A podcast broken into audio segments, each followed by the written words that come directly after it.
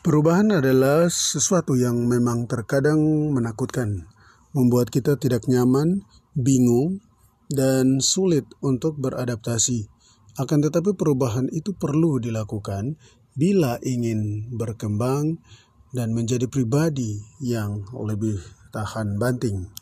Seringkali perubahan lingkungan menjadi salah satu faktor utama mengapa perubahan terkadang datang tanpa kita sadari dan kita dituntut untuk menjadi seorang yang mampu beradaptasi. Berubahlah sekarang selagi masih sempat. Fokuskan perhatian Anda pada hukuman yang akan Anda terima pada masa mendatang jika tidak mengambil tindakan sekarang. Perubahan itu menyakitkan. Ia menyebabkan orang merasa tidak aman, bingung, dan marah. Orang menginginkan hal seperti sedia kala karena mereka ingin hidup yang mudah.